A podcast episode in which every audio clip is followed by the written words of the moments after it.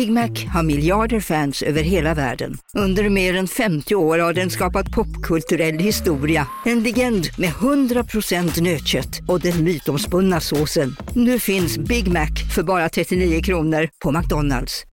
Ni är med om det största. Och det största är den minsta. Ni minns de första ögonblicken. Och den där blicken gör er starkare. Så starka att ni är ömtåliga. Men hittar trygghet i Sveriges populäraste barnförsäkring. Trygg Hansa. Trygghet för livet. Hej, Synoptik här. Livet med glasögon ska vara bekymmersfritt. Därför får du 30% på alla glasögon när du väljer Synoptik All Inclusive. All service ingår alltid. Välkommen till Synoptik.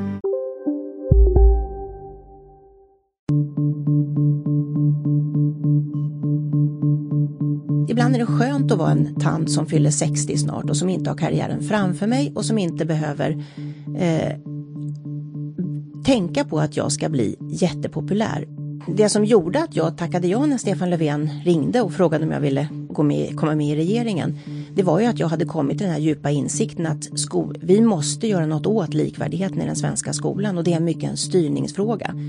Jag blir, jag blir faktiskt, jag, jag, jag blir faktiskt lite provocerad när jag hör det här. Eh, Jan Björklund är en välutbildad människa med en lång utbildning inom ett ledarskapsyrke, nämligen officersyrket. Och då vet man att man tar ansvar för de beslut man själv fattar.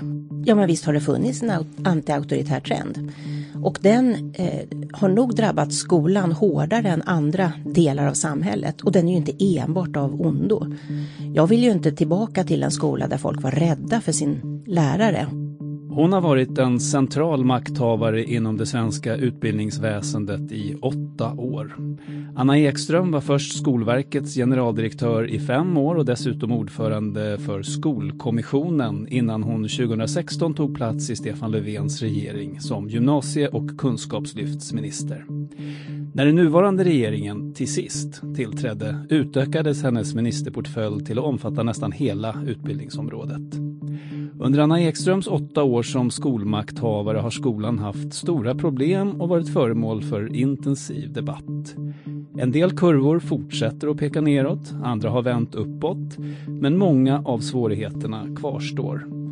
Vad tänker Anna Ekström göra och hur ser hon på sitt eget ansvar?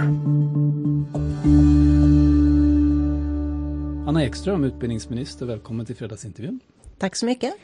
I maj 2011 tog du då plats som Skolverkets generaldirektör. Och sedan dess kan man ju säga att du har varit en central makthavare inom det här viktiga och också omdebatterade området. Vad i din egen insats så här långt är du, är du mest nöjd med? Eh, jag är mest nöjd med att eh, jag har satt likvärdighetsproblemen på kartan i den svenska skoldebatten. Jag är mest nöjd med att jag som chef för Skolverket eh, varit modig och la fram eh, sanningar om likvärdigheten som inte alltid var välkomna. Eh, jag är väldigt nöjd med, även om jag inte tar åt mig äran för det, att kunskapsresultaten går uppåt så tydligt och i så, på så bred front i så många olika ämnen. Varför tar du inte åt dig äran för det? För jag tycker faktiskt att det är lärarnas och elevernas förtjänst. Mm. Det jag är väldigt eh, stolt över det är hur vi jobbade med att ta fram kompetensutvecklingsmaterial. Det låter ju så krångligt, men vi tog fram alltså eh, väldigt bra material för lärare att utveckla matematikundervisningen. Och eh, det fortsatte vi med på svensk, med svenskundervisning och med hur man ar arbetar språkutvecklande och läsutvecklande och skrivutvecklande i alla skolans ämnen. Eh, det var jag också väldigt nöjd med. Eh, men jag var väldigt missnöjd med mycket jag gjorde också. Ja, det ska du få berätta nu. Ja, det är jag övertygad om. på vilka punkter är du mest självkritisk? Då? Ja, jag var ju ansvarig på Skolverket. Jag började på Skolverket i maj 2011 och eh, några veckor innan så hade det beslutats om den stora lärarlegitimationsreformen och min start på Skolverket handlade ju väldigt mycket om att hantera ett stort misslyckande. Vi på Skolverket eh, lyckades inte klara det som var vårt uppdrag, nämligen att besluta om väldigt, väldigt många lärarlegitimationer på väldigt, väldigt kort tid. Och vad fick det för konsekvenser? Ja, det fick enorma konsekvenser, eller ja, enorma kanske är ett starkt uttryck, men det fick stora konsekvenser för, framförallt för lärare som, blev, eh, häng, som fick vänta alldeles för länge på sina legitimationer. Fick också stora konsekvenser för huvudmännen som fick vänta länge på legitimerade lärare. Skolorna alltså? Skolorna, precis. Mm. Och eh, en klen tröst är ju att eh, uppdraget var inte... Det, vi gjorde så gott vi kunde och vi hade inte kunnat göra så väldigt mycket bättre.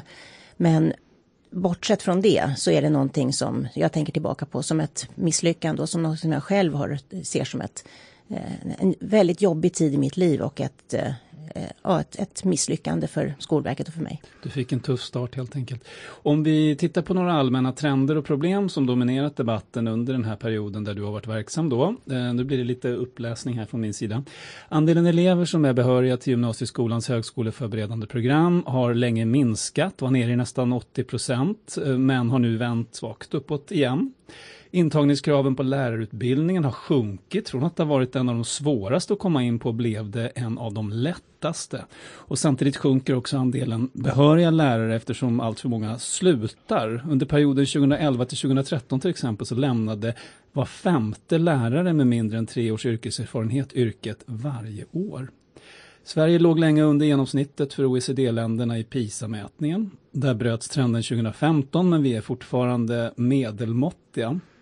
Det svenska systemet lider av svår betygsinflation där genomsnittsbetygen ständigt går upp samtidigt som prestationerna går ner. Och svensk skola blir, som du var inne på, allt mindre likvärdig. Betydelsen av socioekonomisk bakgrund för skolresultaten ökar. Problem som har varit väl kända under egentligen hela din tid i de här positionerna. Varför har det hänt så förhållandevis lite då på de här områdena? Ja, på flera av de här centrala områdena har det hänt en hel del. Viktigast av allt är ju ändå att kunskapsresultaten har vänt uppåt. I PISA? Eh, I PISA, i TIMS, i PIRLS, i X, i mm. de stora internationella undersökningarna. Och eh, det är också så att det har, eh, alltså, de här olika sakerna som du räknar upp som jag håller med om är stora problem, inte minst den eh, den betygsinflation vi ser, också den stora, stora lärarbristen eh, som kommer att förvärras i och med att vi får fler och fler elever till den svenska skolan i så gott som alla skolformer. Så kommer vi ha stora utmaningar framför oss när det gäller lärarbristen. Man ska, man ska nog komma ihåg att skolan är ett stort system. Det är en av Sveriges absolut största arbetsplatser. Vi har flera hundratusen lärare som går till sina lektioner varje dag, genomför ett väldigt gott arbete. Vi har miljontals elever som går till skolan och de flesta av dem kämpar väldigt hårt. Eh, de flesta lektioner i Sverige genomförs på ett bra sätt. Barn och elever lär sig mycket och känner trygghet och studiero. Men samtidigt så är det ju som, precis som du säger, att, att problemen är, de har varit stora under, ett, en, en bra, en, under en lång period. Och det jag tycker är viktigt är att se de här problemen i vitögat och inte vara rädd att ta i dem. Jag inledde ju med att eh, tala om lärarlegitimationerna. Eh, där blev det ju faktiskt så att vi efter stort arbete, efter att ha lagt annat åt sidan, lyckades reda ut den stormen. Och vi gjorde det också genom att vara tydliga uppåt mot departementet vad vi behövde för verktyg och resurser för att klara av det hela. Och jag tror att skolan behöver tydlighet och det behövs att man ser lite sanningen i vitögat och faktiskt också vågar och orkar vara självkritisk. Men har man inte gjort det tidigare? Har man inte jag, vågat se sanningen i vitögat? Jag tycker att den svenska skoldebatten i mycket stor utsträckning har handlat om eh, att man har positionerat sig, att man har sett halva problembilden, den halvan som passar med den egna politiska åskådningen. Och sen så har man hackat på eh, skolans lärare och skolans elever och på de politiska motståndarna och framställt sig själv som väldigt, väldigt bra. Det kan ju vara en del av ett politiskt spel, men det är i så fall ett politiskt spel som jag känner mig väldigt obekväm med och som inte passar mig. Jag kommer ju ifrån eh, från så att säga, skolans värld. Jag blev ju mm. faktiskt politiker eller fick ett politiskt förtroendeuppdrag för första gången vid 57 eller 58 års ålder. Mm. Och hela mitt arbetssätt är ju att angripa problemen och då måste jag ju faktiskt ha en bra analys och en bra eh, verklighetsbeskrivning och då måste jag våga se sanningen i vitögat. Och sanningen den är att vi har problem, haft pro stora problem med kunskapsutvecklingen som har blivit bättre men vi är inte hemma än. Vi har stora problem med likvärdigheten som fortsätter att försämras. Vi har stora problem med lärarförsörjningen. Vi ska gå in på... Och vi har stora problem med trygghet och studiero. vi ska gå in på åtminstone två av de där eh, områdena som du nämnde.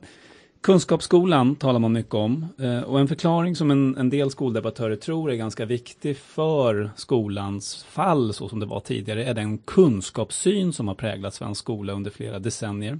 Förenklat menar de här debattörerna då att en postmodern och konstruktivistisk syn har dominerat, där elevens inlärningsprocess är viktigare än de faktiska ämneskunskaperna som eleven tillgodogör sig. Ligger det någonting i det där? Har det varit så, tycker du? Ja, ja, det ligger en del i det, men absolut inte så mycket som det görs gällande. Och här hade jag kunnat ha öppet mål.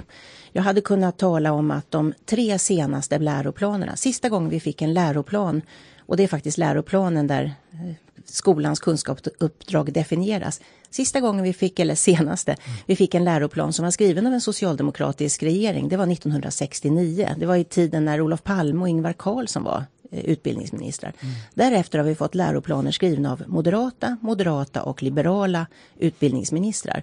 Jag hade kunnat ha öppet mål och säga det är bara kunskapssynen det handlar om och pekat på dem. Men jag vill inte göra det så enkelt för mig. Jag tror att det ligger en, en del i detta. Jag tror att vi har sett för lätt på eh, till exempel lärarens ledarskap i klassrummet. Eh, det finns olyckliga uttalanden också från mitt eget parti där man jämställer läraren med någon slags coach som ska mm. låta eleven hitta sitt, e-, sin egen kunskap. Jag tror att det, det synsättet har varit dåligt för många elever och inte minst för pojkar och kanske framförallt pojkar som kommer från hem utan studievana. Var kommer den där idén ifrån då? Varför har den ätit sig in i viss mån i, i den svenska skolan? Ja, jag tror det var väldigt mycket en tidsanda och jag tror att det var mycket en, en, en diskussion som växte fram i, i ganska breda kretsar. Eh, det finns en, en eh, intervju med, med Beatrice Ask som, som går ibland på, på Twitter. Eh, och läsa den, det, det är ju som att läsa verkligen ett...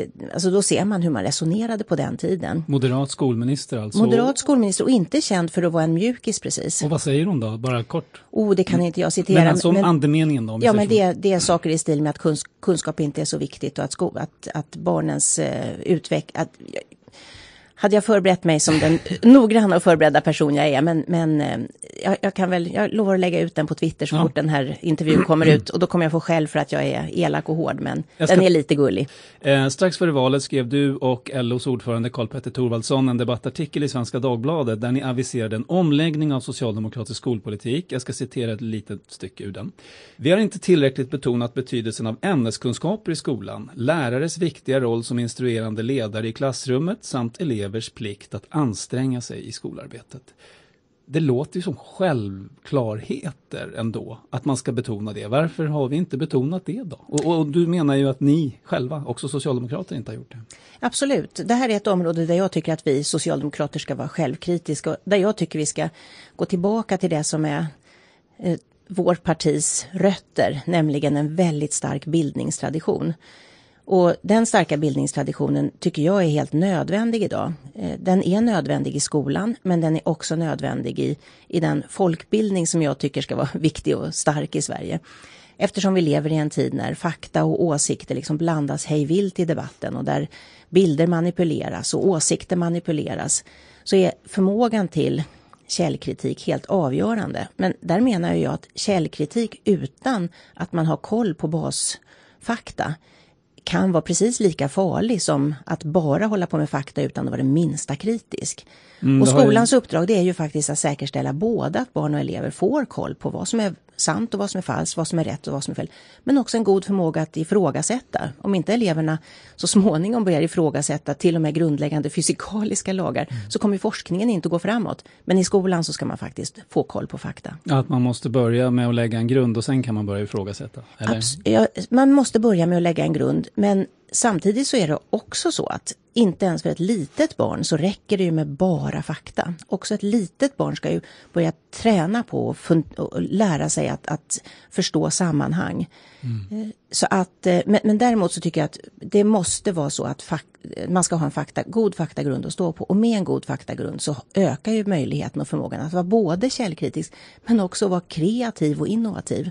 När jag tittar på till exempel mina barns skoluppgifter, och det här är ju många som har sagt, så, så är ju de är ofta formulerade så här, diskutera, resonera. Det är väldigt mycket fokus på verbal förmåga. Det är väldigt mycket fokus just på det här att man ska diskutera olika saker men inte så mycket fokus på att just kunna. Eh, finns det någon poäng med det? Tycker du att det, att det är så? För jag tycker det är svårt att förhålla sig som förälder också till de där uppgifterna. De är nästan på universitetsnivå många gånger kan man känna. Mm. Men om du går tillbaka och tittar på dina egna skoluppgifter mm. som du hade när du var liten. Jag gjorde faktiskt det. Vi flyttade för några år sedan och då hittade jag en gammal uppsats jag skrev i åttan.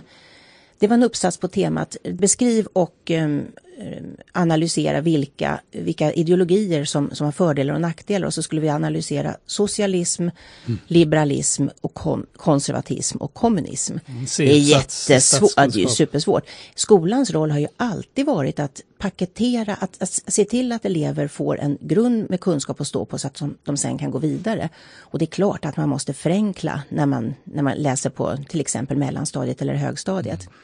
Och en, en uppgift helt utan analyser blir ju eh, sällan så värdefull som den blir när det finns analyser. Men jag håller med mm. de kritiker som säger att det har blivit för fort pang på rödbetan med långtgående analyser. Jag tycker att det måste finnas en progression i skolan, att barn med stigande ålder får mer och mer, alltså mer och mer eh, djuplodande och svåra uppgifter. Och faktum är att eh, det där håller, vi har gett uppdrag till Skolverket att se över de kursplaner som, det här, det här följer ju mycket av skolans kursplaner. De eh, beslutades precis innan jag hade börjat på Skolverket av eh, dåvarande regeringen. Och jag håller med, jag skojade lite med Jan Björklund i valrörelsen och sa att jag håller med dig om att dina kursplaner blev lite väl flummiga. Men jag tycker faktiskt inte att det är politiker som ska skriva om dem, utan jag tycker att det är lärarna som ska skriva om dem. Det här är lärarnas redskap.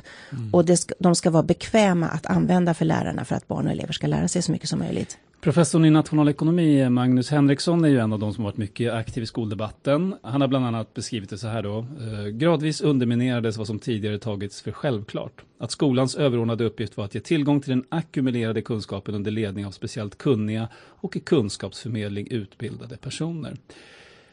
Varje gång man läser den här kritiken så slås man av hur självklart det är. Och då måste jag ändå fråga mig, du har ju varit med länge, det här är väl inte en ansvarsutkrävande fråga utan mer en en fråga för resonemang.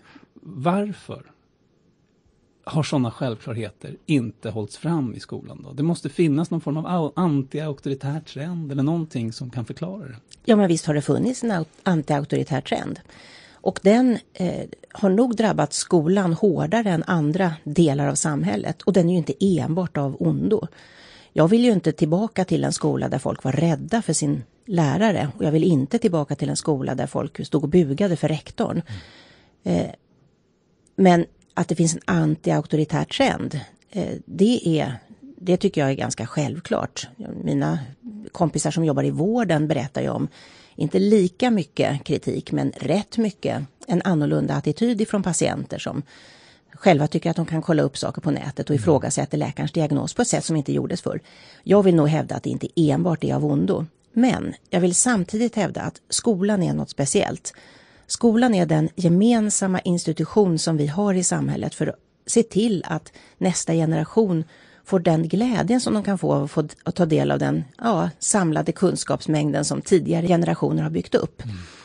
Och jag vill ju att, det, att skolan ska vara den här gemensamma, demokratiska institutionen för kunskap och bildning. Så skolan är speciell och det är viktigt att värna om att skolan också har det här kunskapsuppdraget och att det ska tas på ett mycket stort allvar. Henriksson ger några exempel då konkret på hur han menar att den här kunskapssynen har fått praktiska konsekvenser. Till exempel var det under ett decennium fram till 2006 valfritt för de som studerade till lågstadielärare att tillägna sig fundamentala och utprovade tekniker för att lära barn läsa. 2001 togs skillnaden bort mellan stadier i lärarutbildningen. En gymnasielärarstudent kunde då få göra sin praktik på förskolan till och med. 1991 avskaffades myndighetskontrollen av läromedel, vilket gör att lärarna kan välja fritt. Och när lärarlegitimationen infördes 2013 gjordes flera undantag i kunskapskraven eftersom det visade sig att så många lärare i själva verket var obehöriga och de kanske var behöriga i ett ämne men undervisade i, i många andra. Och allt det här ser han då som ett tecken på att lärarnas ämnes och pedagogiska färdigheter har gjorts mindre viktiga. Eh, är det så? Eller har det varit så? Just den kritiken så kan jag i stort eh, hålla med Magnus Henriksson. Jag tycker att det är bra att vi har gjort om lärarutbildningen så att det är större fokus på det som är, man skulle kunna kalla lärarens hantverksskicklighet. Ibland säger man fronesis, ibland säger man tecknen när man talar eh, utrikiska. Eh, det är, jag tror att det var ett misstag och jag tror också att det var ett misstag som vi har gjort på flera eh, akademiska utbildningar. Att man lite har lämnat det som är akademikernas hantverksskicklighet. Eh, skicklighet. nu är jag ju inte ansvarig för lärarutbildningen men så mycket vet jag som att mycket av den här kritiken som Magnus Henriksson har lämnat den är åtgärdad. Den, med den nya lärarutbildningen som just nu är under utvärdering och som vi snart får utvärderingsresultat för så är mycket av det som just det han tar upp eh, sånt som, som man faktiskt har återinfört och jag tycker det är bra. Vi ska lämna det här ämnet snart, men jag tänkte kolla en sak med dig. Eh, när förre utbildningsministern Jan Björklund var gäst här i fredagsintervjun så frågade jag honom varför inte han lyckades bättre med en återgång till en kunskapsskola, för han argumenterade ju väldigt hårt för det. Och då svarade han så här. Ja, Ja, nej, men det, ja, ja, jag är självkritisk. Det, Skolverket till sist fick ju uppdraget och de utsåg att det var ju väldigt många människor som var involverade i det här. Och, och eh, jag tycker att vi, vi, eh, vi, ja, vi, vi borde ha involverat fler andra forskare än bara pedagoger i detta. Kognitionsforskare till exempel som ofta har en annan syn på barns inlärning. Kan du komma ihåg varför du inte tänkte så då när du hade chansen? Ah, jag, tro, jag tror att vi, vi, vi jag ska inte säga, jag ska säga, inte säga vi, jag ska säga jag. Mm. Jag föreställde mig att med de direktiv vi hade så, till Skolverket och så där så skulle det här ändå gå i rätt riktning. Jag tolkade honom, och det här var ju ett längre resonemang, som att det har funnits ett slags pedagogiskt etablissemang som har haft ganska stort inflytande och som har drivit den här postmoderna linjen ganska hårt och kanske till och med spjärnat emot när politiken försökte lägga om kursen. Ligger det något i det? Jag blir, jag blir faktiskt jag, jag, jag blir faktiskt lite provocerad när jag hör det här. Jan Björklund är en välutbildad människa med en lång utbildning inom ett ledarskapsyrke, nämligen officersyrket. Och då vet man att man tar ansvar för de beslut man själv fattar. Kursplanerna och läroplanen har Jan Björklund själv fattat beslut om. Eh, Skolverket tog fram ett underlag och det, var, det här var före min tid så att jag har, eh, berättar nu bara vad jag har hört talas om. Det underlaget togs fram i mycket nära samarbete med Jan Björklunds utbildningsdepartement. Det finns det också doktorsavhandlingar om. Och den som var ansvarig för hela detta arbete på Skolverket, dåvarande generaldirektören, min företrädare, han rekryterades därefter till Folkpartiet av Jan Björklund och blev ordförande i Folkpartiets utbildningspolitiska arbetsgrupp. Jag blir väldigt frågande till varför Jan Björklund i så fall utnämner en ledamot av ett så kallat pedagogiskt etablissemang till sin egen utbildningspolitiska arbetsgrupp. Det här är eh, bättre kan Jan Björklund. Så du menar att den, den läroplan som genomfördes, det var inte så att det var något pedagogiskt etablissemang som drog åt ett eget håll, utan, utan det här var precis det han hade beställt, det, det som kom? Det vet inte jag, jag var ju inte med. Det Nej. kan mycket väl ha varit ett pedagogiskt etablissemang. Det kan mycket väl ha varit så att man satt både på sammanträden och fikaraster och grälade och bråkade om det här. Men så är det i ganska många processer i våra arbetsliv. Jag har varit med om många gånger när man bråkar väldigt mycket. Den som är ansvarig och skriver på beslutet tar ändå det fulla ansvaret för det beslutet som blev. Och i det här fallet så tycker jag att Jan Björklund också ska vara stolt över sin läroplan. Den har nackdelar, men den har också fördelar. Och eh, det, det som är det viktiga nu, det är att vi ska gå igenom de delarna i läroplanen, det vill säga kursplanen där kritiken framförallt riktas och se till att vi har en ordentlig progression, se till att eh, det centrala innehållet, det vill säga det område man ska undervisa om, inte är så stort så att det blir en önskelista utan att det verkligen blir en ordentlig och vettig arbetssituation för lärarna. Och det ska vi göra med lärarna i förarsätet snarare än lärarna i baksätet. Du var ju generaldirektör för Skolverket under Jan Björklunds andra mandatperiod som utbildningsminister. Det var en period med, med rätt högt reformtempo. Drog ni åt samma håll? Men jag menar med tanke på att du nu är socialdemokratisk minister, var du en lojal tjänsteman åt en borgerlig regering?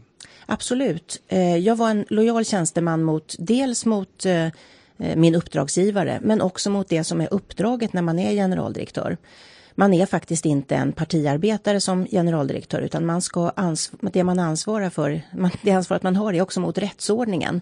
Och jag utförde mycket lojalt de uppgifter som låg på Skolverket och där i ingick det ju att ta fram ibland ganska obekväma fakta om den svenska skolan. Eh, jag är övertygad om att eh, Jan Björklund tyckte att jag gjorde ett riktigt bra jobb. Men jag är säker på att han ibland tyckte jag var rätt jobbig också. Vi byter spår då och tittar på det som av många beskrivs som det kanske största misslyckandet för svensk skola och det handlar om den minskande likvärdigheten. För 20 år sedan låg socioekonomiska faktorer bakom ungefär 17 procent av skillnaden mellan elevers eh, meritpoäng eller betyg. Då. Nu är samma siffra 23 procent. Alltså elevens klassbakgrund spelar en allt större roll. Hur har det blivit så? Ja, det finns flera orsaker och det, är som vanligt på skolans område att det är eh, lätt att tala om vad som har hänt. Det är svårt att tala om vad som är kausaliteten, det vill säga vad som är orsak och vad som är verkan. Jag skulle eh, utnämna ett antal olika orsaker som bovarna i dramat här. En viktig bov i dramat är den ökande boendesegregationen. Många elever eh, bor ju i ett område där man går i den närmaste skolan. Och om, det vi har, om vi får en ökande segregation på bostadsmarknaden så blir följden en segregation också i skolan. Man måste i och för sig inte gå i den närmaste skolan, men många väljer det. Väldigt många gör det. Och eh, en ytterligare orsak är ju det sättet som vi har lagt upp det fria skolvalet på. Vi talar ibland om det fria skolvalet. Vi säger det lite slarvigt som om det vore föräldrar och elever som beslutar. Det är det ju inte. Det är ju alltid så att det är en skola som bestämmer vilka ungar som ska gå i respektive skola. Antingen en friskola eller en kommunal skola. Och reglerna för hur det där urvalet görs, de reglerna spelar väldigt stor roll. Och där har vi i Sverige ovanligt eh, de regler vi har för hur man gör det här urvalet tar inte alls hänsyn till likvärdigheten på samma sätt. på kötider till exempel? Till exempel kötider i fristående skolor är ju en, en, eh, det, det är ju en, driver ju fram en segregation. Men också den väldigt eh, hårt framskrivna närhetsprincipen för kommunala skolor riskerar ju med vår bo, bostadssegregation att leda till den här. Vi har ju ett aktuellt fall nu när, när eh, domstolar har sagt att man inte kan arbeta med syskonförtur på det sätt som många skolor har gjort. Mm. Det är ett, ett, av många exempel på hur urvalsreglerna ställer till det och de är mogna för översyn. Men du har varit ändå i ansvarig ställning sedan 2016, det är tre år. Vad har du gjort hittills då för att göra något åt det här? För det här är ju akut, skulle nog många säga. Det här är akut och vi tillsatte för ungefär ett år sedan eh, två utredningar. En som är på gymnasiesidans område och vuxenutbildningens, en som är på grundskolans område som har i uppgift att se över precis de här reglerna, till exempel urvalsregler och hur man ska ordna kön när det är fler som söker än vad det finns platser och om man kan göra det så att det stärker likvärdigheten. Men det bygger fortfarande på att eh, föräldrar som bor i utanförskapsområden eller segregerade områden, de måste ändå göra det där valet då för att, det ska, för att de ska gynnas? Alltså sen är det ju massa saker som ska göras för att hantera konsekvenserna av den ökande Eh, alltså forskarna talar ibland om det här i termer av sortering. Det tycker jag är ett hemskt uttryck eftersom det handlar ju trots allt om barn.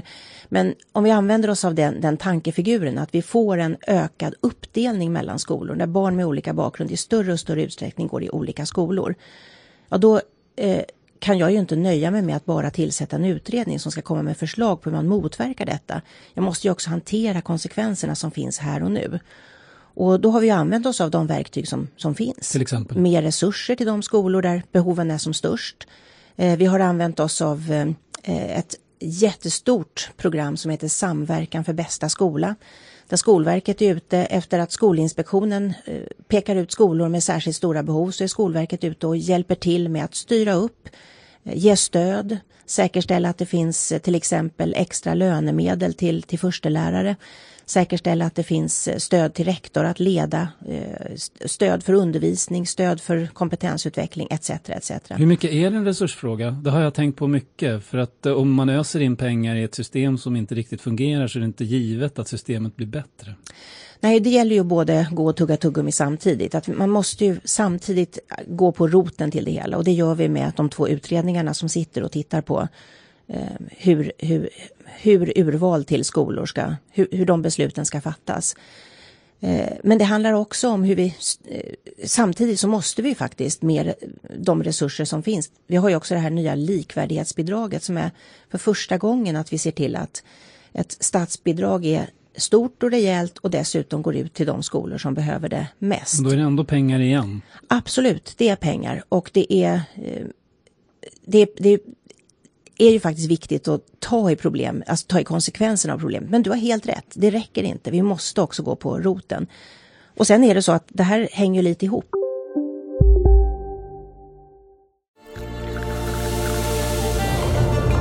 Välkommen till Maccafé på utvalda McDonalds restauranger med Baristakaffe till rimligt pris. Vad sägs om en latte eller cappuccino för bara 35 kronor? Alltid gjorda av våra utbildade baristor.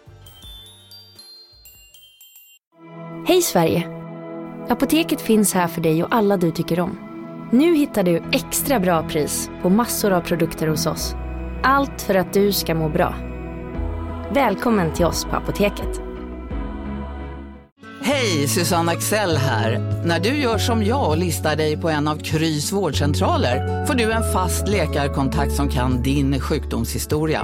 Du får träffa erfarna specialister, tillgång till lättakuten och så kan du chatta med vårdpersonalen. Så gör ditt viktigaste val idag, lista dig hos Kry. Ett av den svenska skolans stora problem är lärarbristen. Eh, och lärarbristen slår allra hårdast på de skolor där behoven är som störst. Det vill säga där elever med nya, där nyanlända elever går, där elever med, som kommer från hem utan studievana går. Ja, där har vi ofta mycket personal, men vi har en låg andel behöriga lärare. Varför är det så? Ja, vi har det som i många andra länder att det har blivit som en omvänd lärarkarriär. Att man ofta börjar på en skola med utmaningar, för att använda det slitna uttrycket, mm. när man är nyexad. Och sen så söker man sig till skolor med eh, barn som kommer från, från eh, hem med, med, mer studievana. Vet du något om varför det är så? Då? Orkar man inte eller? Eh, det finns jätteintressant forskning på Uppsala universitet som visar att eh, det handlar jättemycket om arbetsmiljö. Mm. Arbetsmiljön, eh, det säger sig själv, och apropå det vi talade om tidigare, nämligen kunskapssynen och hur man undervisar.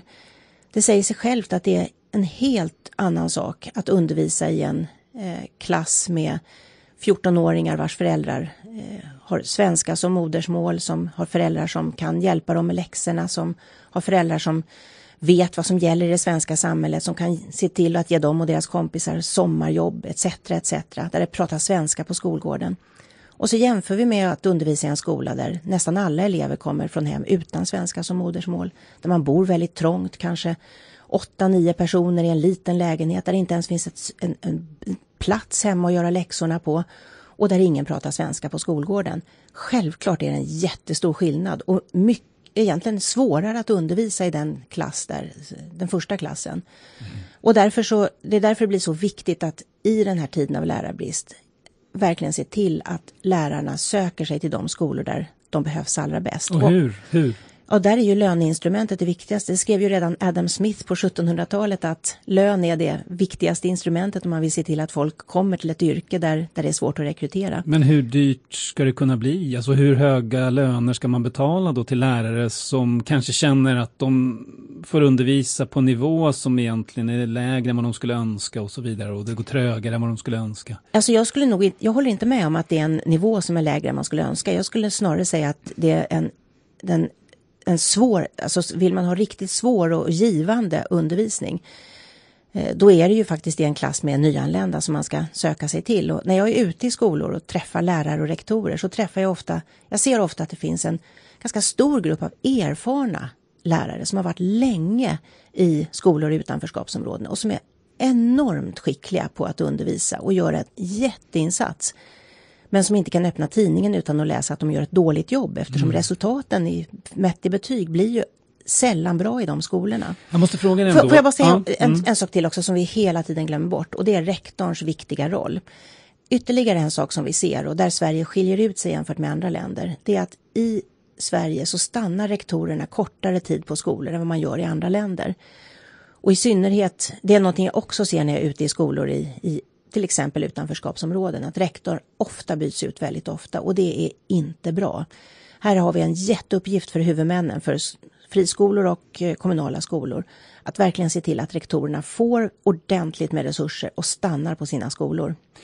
Eh, du har ju varit inne på det själv, men man måste blunda väldigt hårt för att inte se att den ojämlika skolan i allt högre grad drabbar de elever som antingen själva är födda utomlands eller har föräldrar som är det. I ESO-rapporten Ankomst och härkomst från 2017 slås fast följande. Strax över 90 procent av alla inrikesfödda elever uppnår gymnasiebehörighet medan motsvarande siffra för utrikesfödda är 65 procent.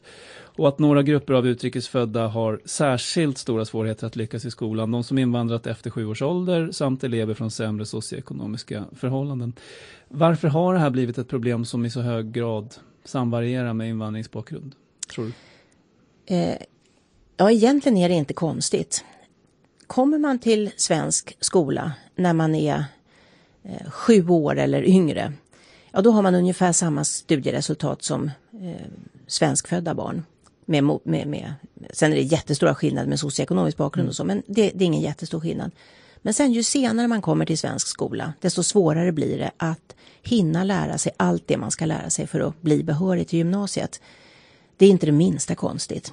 Eh, det vi har sett under de senaste åren, och då tänker jag inte bara på 2015 utan också åren före 2015, så har vi ju sett en invandring till Sverige som har varit lite annorlunda jämfört med tidigare år.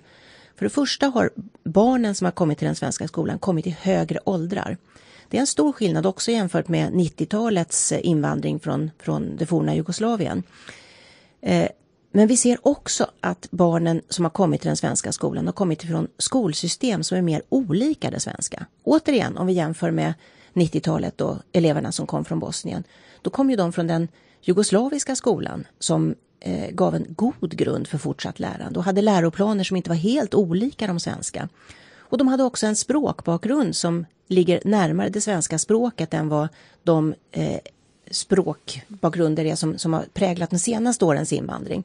Så att det är en annorlunda, alltså det är en, en, tuffare uppgift för skolan att se till att de elever som har kommit hit har kommit helt, helt enkelt därför att de kommer från svagare skolsystem och de har kommit i, i högre åldrar. Men hur stor del av det svenska tappet då skulle du säga handlar om detta egentligen? Att vi har haft en solidarisk och generös invandringspolitik? Är det det som är en stor del av orsaken? Ja, när det gäller behörighetssiffrorna, så att förmågan eller möjligheten att komma vidare till gymnasiet, då är det en stor orsak. När det gäller kunskapstappet, då är det åtminstone hittills inte en lika stor eh, orsak. Hur vet, hur vet vi det då? Ja, jag, när jag var på Skolverket så gjorde vi, det var bland de sista grejerna jag gjorde var att vi gjorde en ganska stor analys av kunskapstappet i PISA-undersökningarna med mm. avseende just på invandringsbakgrunden. Och då kom vi fram till att det fanns ett samband mellan kunskapsresultaten som de mäts i PISA och invandrarbakgrund. Men den var inte alls lika stor som, eh, den, som, som den eh, behörighets, som utslaget på behörighetssiffrorna. Mm. Och återigen, jag tycker inte att det är konstigt. Eh, när man kommer så sent till den svenska skolan, som kanske är sjuan, åttan, nian eller till och med under gymnasietiden, så är det ju jättesvårt att hinna lära sig allting. Och det är också just därför som det är så viktigt att vi säkerställer att det finns bra utbildningsvägar och ganska snabba utbildningsvägar som snabbt leder till jobb för de som har kommit till Sverige och inte riktigt klarar behörigheten. I en artikel i Dagens Samhälle så eh, redovisar Gabriel Heller Salgren, som är en, en forskare, eh, han, han hävdar ju då att eh, det här är egentligen den enda säkra faktorn som man kan, som man kan härleda till eh, PISA-mätningarnas fall då. Och eh, en tredjedel, säger han, kan härledas till invandring just då av, av tappet i PISA. Eh, har han rätt eller fel? Tror du? Alltså, som jag vill, nu har jag inte det här helt klart för mig, men som jag vill minnas så, så gjorde Skolverket en analys som jag hade, alltså jag brukar ju gå på myndigheternas analyser mm. och eh, där var det precis det jag sa, att det fanns en, en komponent av, av invandrarbakgrund när man tittade på kunskapsresultaten i PISA. Men jag sätter ett frågetecken för om den var så stor som en tredjedel. Jag vill minnas, rakt ur minnet här nu, att den var betydligt mindre. Vi kan Men... väl kolla på hans siffror bara, det är lite intressant. Och I en artikel i Dagens Samhälle så redovisar han olika jämförelser mellan elever med helsvensk bakgrund och andra länder i PISA-mätningen. Då skriver han så här. 57 procent av det genomsnittliga prestationsgapet mellan Sverige och Norge kan förklaras med detta, eller försvinner om man bara jämför då inrikesfödda med varandra. Och hälften av gapet mellan Sverige och Danmark. Det låter ju som att det här, och, och egentligen är jag bara ute efter att, precis som du säger, det är ju inte så konstigt om man kommer hit sent. Vi ojar oss väldigt mycket över de här behörighetssiffrorna, men, men det kanske är så det blir och det kanske vi får acceptera att det är så. Är min fråga, eller mitt påstående. Ja, alltså, jag tycker att det bär emot att acceptera. Mm. Eh, det, men det jag tycker man ska göra det är att ett, säkerställa att det finns en bra kunskap hos våra lärare. Att eh, undervisa i de klasser som faktiskt ser rätt annorlunda ut när vi har en stor grupp nyanlända elever i klassen. Två, säkerställa att de elever som inte klarar att bli behöriga till ett nationellt program i gymnasieskolan, och där vill jag verkligen påpeka att det är långt ifrån bara nyanlända. Det är faktiskt en tredjedel, eller det är ganska, förlåt, det är eh, fyra av fem i Sverige som, som eh, kommer in på, på, ett nationellt program, men det är ganska många som inte kommer in. Mm. Och det är långt ifrån bara nyanlända ja de ska ju ha så goda möjligheter som möjligt att klara gymnasiet ändå. Att få börja på ett introduktionsprogram, om det går gå över på ett nationellt program. Och där har vi under min tid infört en väldigt viktig ny del i den svenska gymnasieskolan som vi kallar för yrkespaket. Nämligen att vi har säkerställt att det finns eh, yrkes, att man gör sammanhållna utbildningar som leder till anställningsbarhet men som inte är en fullständig gymnasieexamen. Som skulle kunna vara en väg då Absolut. in till jobb. Men får jag det, halta ja, dig där bara? Nej, men jag vill nej. halta dig för att det här är faktiskt viktigt. Ja.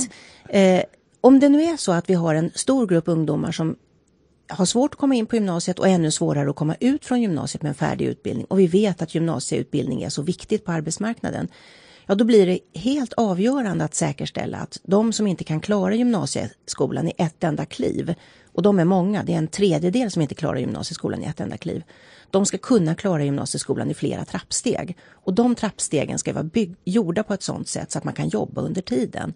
Och det, där har vi nu över 60 sådana här yrkespaket som är framtagna och som vi jobbar med inom vuxenutbildningen och som också går att använda inom introduktionsprogrammen på gymnasieskolan mm. och som jag tycker är väldigt viktigt. Det jag funderar över är, är så här att när det ser ut så här, när siffrorna ser ut så här, så känns det som att det skulle behövas mycket, mycket mer drastiska åtgärder. När jag gick i skolan så hade vi ett par, tre eh, elever med utrikesbakgrund i min klass och de, de badade i svenska. Det, det var liksom, eh, de lärde sig allting mycket snabbare eftersom de umgicks med oss. Men när vi har skapat ett system som du själv var inne på, där de som kommer hit, de träffar bara andra som inte heller har svensk bakgrund. Det är ju liksom ett recept för, för misslyckande. Måste inte du och ni som har den politiska makten gå mycket hårdare fram? Jo, jag vill ju verkligen, alltså det som gjorde att jag tackade ja när Stefan Löfven ringde och frågade om jag ville gå med, komma med i regeringen, det var ju att jag hade kommit till den här djupa insikten att sko- vi måste göra något åt likvärdigheten i den svenska skolan och det är mycket en styrningsfråga. Vi måste ta i de här jobbiga delarna som vi tillsammans kallar för det fria skolåret. Vi måste ta i vinsten. Det har ju vi socialdemokrater lovat nu att inte göra under, i alla fall inte i regeringsställning under de kommande åren. Eh, men det finns fler saker man kan göra när det gäller likvärdigheten. Urvalsreglerna har jag varit inne på redan. Vi har etableringsreglerna, viktiga inte minst på gymnasiesidan, att man säkerställer att det finns tillgång till alla program i hela landet. Där är vi inte riktigt säkra på att det finns det idag. Mm. Och vi har också reglerna som, som handlar om hur skolpengen är utformad. Det är en jätteviktig del i detta. Men det är mycket social ingenjörskonst ändå. Ja. Jag tänker att det resultatet är det enda viktiga, det vill säga kan vi sprida elever bättre? Det måste vara målet. Och sen hur man gör det kanske inte spelar så stor roll, men jag har svårt att se att man kan göra det utan att göra sig osams med eller att kräva uppoffringar av eh, den, den burgna medelklassen som har det ganska bra.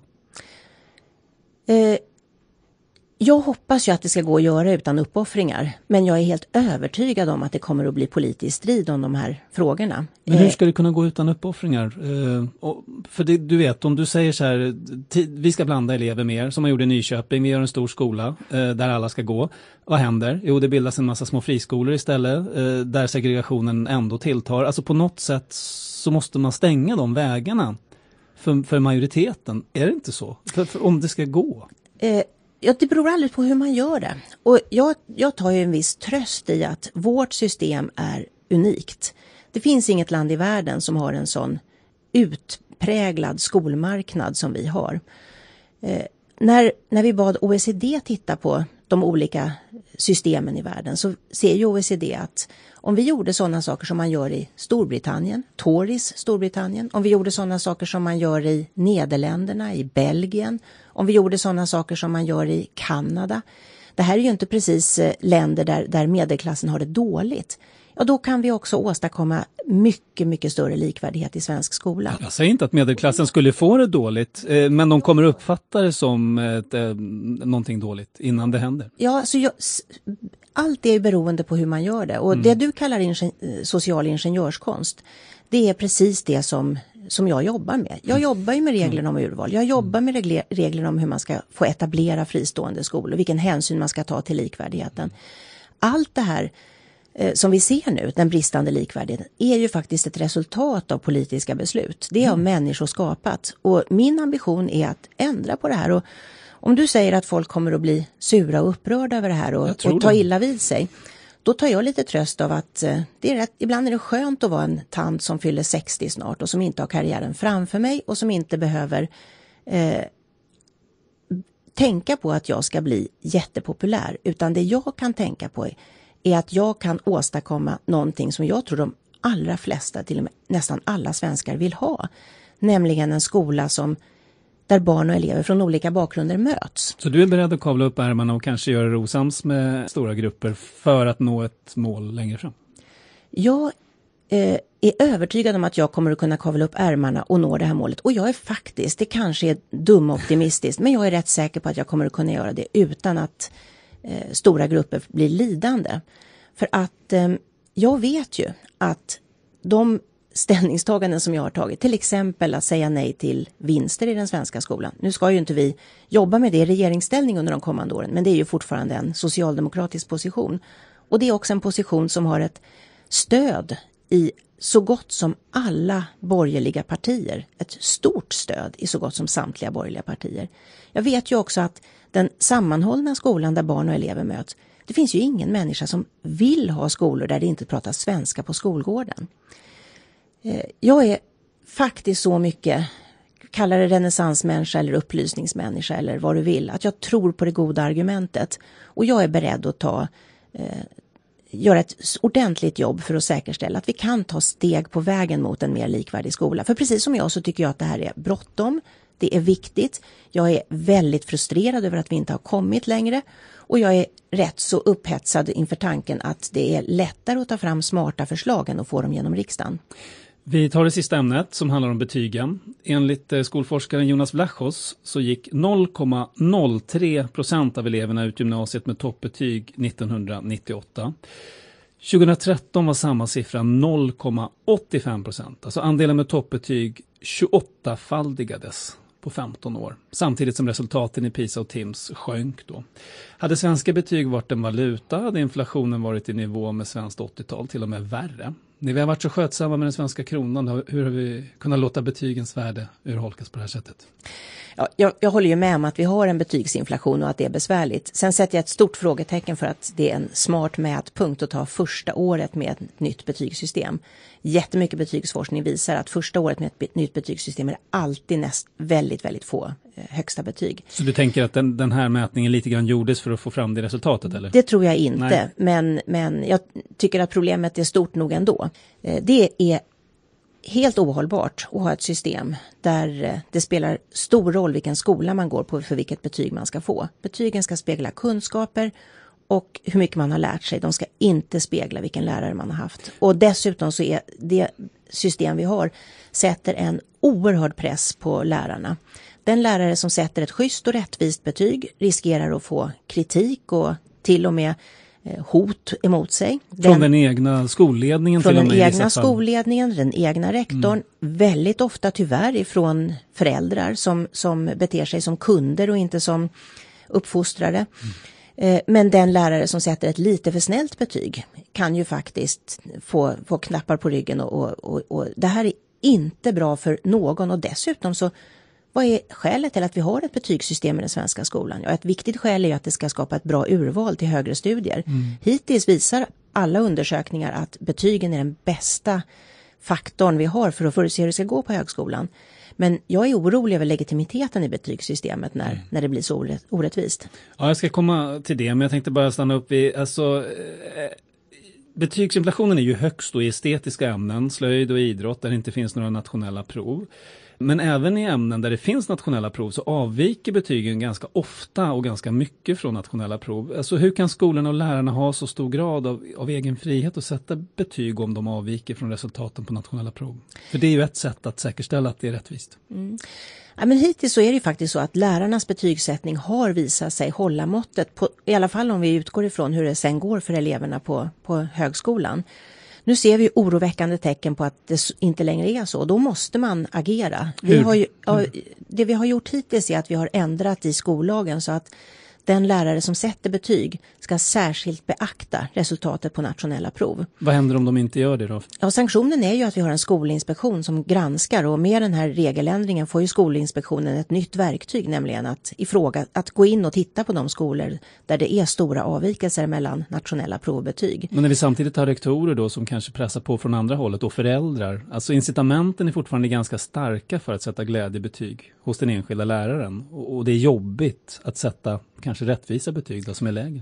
Ja, incitamenten är starka och dessutom så har vi gjort en för, som lök på laxen så har vi i det svenska systemet den marknadsstyrning av skolan som jag ju är så kritisk till. Där betygen är en ganska viktig marknadsföringspoäng. Faktiskt. Där betygen absolut kan vara det och mm. där, där eh, det kundperspektivet gör, sätter en ännu större press på lärarna och på betygssättningen uppåt. Mm. Och där den eh, skola som, som bli blir känd som en skola där man kan få höga betyg mot liten ansträngning eh, riskerar att ses som en populär skola istället för att vara en skola som, som, som är dålig. Mm.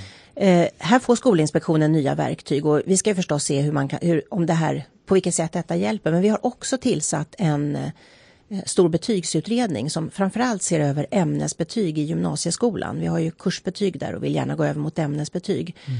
Men den utredningen har ju också i uppdrag att titta på betygs, alltså funktionen för betygen. Och jag, jag, jag sticker inte under stol med att det här är en fråga som jag vill gå längre med och titta mera på. Det är också en fråga där jag vet att det finns ett starkt stöd i riksdagen för att ta ytterligare steg. Vilket är det starkaste argumentet mot att knyta betygssättningen ännu mycket hårdare till nationella prov där man inte i princip får avvika annat än i undantagsfall?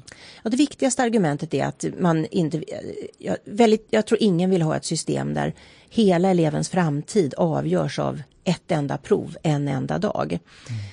Det var ett system vi gick ifrån när vi lämnade gymnasie, alltså studentexamen på gymnasiet på, på 60-talets slut. Vi, det är också så att hittills så har de nationella proven inte varit utformade på ett sådant sätt så att de ger den stabilitet som man skulle behöva om man skulle knyta dem helt och hållet till betygen. Nu har jag gett Skolverket i uppdrag att, att, ta fram ett ramverk för nationella prov som säkerställer att de kan vara ordentligt betygsstödjande. Så den saken ska nog bli bättre så framöver. Så det kommer skärpas eller kopplingen kommer bli starkare? Ja, det, det återstår att se. Mm. Det är en sak vi ska diskutera inom ramen för den här januariavtalet. För där har vi en punkt där det står att vi ska bekämpa betygsinflationen. Och den punkten är ju, den är ju som jag ser väldigt viktig om vi vill att betygen ska ha den legitimitet som jag tycker att de ska ha. Får, får jag bara lägga mm. till det att eh, här ser man så tydligt hur fel det blev med den stora marknadsstyrning som den svenska skolan eh, lever under. Eh, och tanken var när man införde den att det skulle bli en tävlan. De skolor som var bra skulle gynnas, de skulle få många elever, dåliga skolor skulle slås ut. Och jag, tror, jag undrar om det ens slog någon som var med och tog fram den här eh, skolmarknadssystemet att det skulle kunna leda till att skolor skulle konkurrera med glädjebetyg. Det var väldigt stjärnögt men, men samtidigt lite svårt att förstå då att man inte skapade kunskapskriterier eller nationella prov som, som styrde mycket hårdare. Det måste man ju ha kunnat räkna ut, tänker jag. Att... Jag, jag, tycker att mycket av det som, som vi ser som, konsekven som konsekvenser av den här skolmarknaden vi har, det borde man ha kunnat räkna ut. Och det när, när, när, jag sitter här och låter byråkratiskt fyrkantig och pratar om behovet av utredningar och social ingenjörskonst, att man ska verkligen genomföra regler som funkar i praktiken, så kanske just friskolereformen är det tydligaste exemplet på en reform som genomfördes utan något som helst beslutsunderlag. Den som tar del av beslutsunderlaget i riksdag och regering häpnar över hur tunt och platt det är. Eh, det som du själv var inne på avslutningsvis då, det här är ju myndighetsutövning. Dessutom myndighetsutövning, nu pratar jag om betygssättningen, eh, som spelar ganska stor roll för elevernas framtid. Och då är ju frågan, hur kan betygssättningen spela så stor roll när det gäller intaget till högskola om vi har det här problemet? Ja, helt enkelt av det skälet att det hittills har visat sig i alla undersökningar att betygen är bättre än till exempel högskoleprovet och till exempel egna intervjuer och liknande. Bättre med, i avseende på att de att, slutför sina utbildningar exakt, och är framgångsrika? Exakt, att det är bättre prognosinstrument för hur bra det kommer att gå på högskolan. Eh, men precis som jag har sagt flera gånger så, så är jag orolig över det här. Och jag kan väl också tänka när, när vi diskuterade förut den kritik som Magnus Henriksson har mm. riktat mot, mot kunskapskrav och läroplaner och lärarutbildning. Det som är det stora hålet i Magnus Henrikssons resonemang det är ju att han så sällan nämner den marknadsstyrning som trycker på och leder det här i fel riktning. Som jag ser det.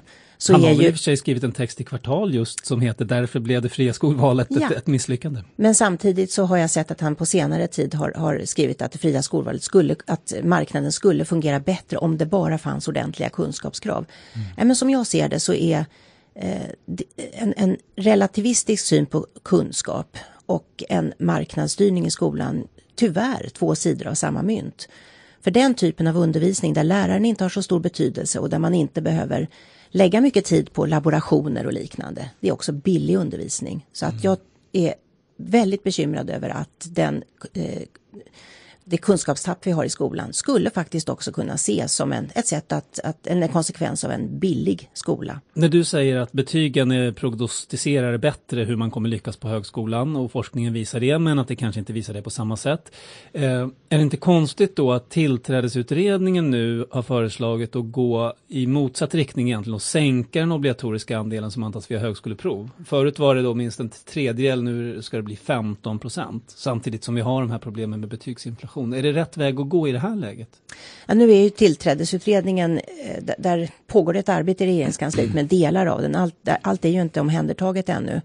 Och eh, eh, precis som jag har sagt till dig flera gånger redan nu så är det ju så att jag är, jag är orolig över om legitimiteten i betygssystemet. Så du är inte säker på att det kommer bli bara 15 procent? Ja, det, det som... återstår att se. Det återstår att se. Och jag är, det jag är orolig över är att betygssystemet är under en så stark press. Och det som gör att betygssystemet faktiskt håller än idag, det är ju att vi har en stor grupp rakryggade, väldigt starka lärare som orkar stå emot det här. Men jag tycker att det är en orimlig press som läggs på lärarna när eh, hela styrsystemet eh, är upplagt med, med den här starka marknadsstyrningen på ett sådant sätt så att lärarna sätts under en väldigt stark press och betygssättningen riskerar att tappa i legitimitet. Till sist, vad skulle du säga till en 18-åring från en skola som är hård i betygssättningen när hon eller han ska konkurrera med elever från skolor som sätter glädje i betyg? Alltså på vilket sätt är det rättvist för, för henne eller honom? Eh, det är Eh, jag blir väldigt upprörd över att den eleven riskerar att få sämre möjligheter att läsa vidare jämfört med en elev med mindre kunskaper från en skola med mer generösa betyg. Men själv har jag alltid varit den här gammaldagsa vuxna som tycker att kunskaperna är viktigare än betygen. Och jag skulle själv hundra gånger av hundra övertyga mina egna barn att gå i tuffa skolor där man får lära sig mycket och där betygen sätts rättvist jämfört med en skola där man inte får lära sig tillräckligt mycket. För kunskaperna man har med sig i livet, de eh, är mer värda än de betyg man får. Säger Anna Ekström, utbildningsminister och socialdemokrat. Stort tack för att du var med i fredagsintervjun. Tack. Hej, Staffan Dopping här. Vi hoppas att du som lyssnar är lika nöjd med vårt innehåll som vi på Kvartal är stolta över att vi med långt mindre resurser än de stora mediehusen kan bjuda på seriös och kostnadsfri journalistik. För att du inte ska missa något från Kvartal skickar vi vid varje publicering ut ett mejl till våra prenumeranter. Och den här prenumerationstjänsten kostar förstås ingenting. Det enda du behöver göra är att gå in på kvartal.se söka upp fliken prenumerera och följa instruktionerna där. Tillsammans med er, vår publik, siktar vi på att skapa en växande plattform för seriös, saklig och oberoende samhällsjournalistik. Tack för att du följer oss och jag hoppas att du berättar om Kvartal för dina vänner och bekanta.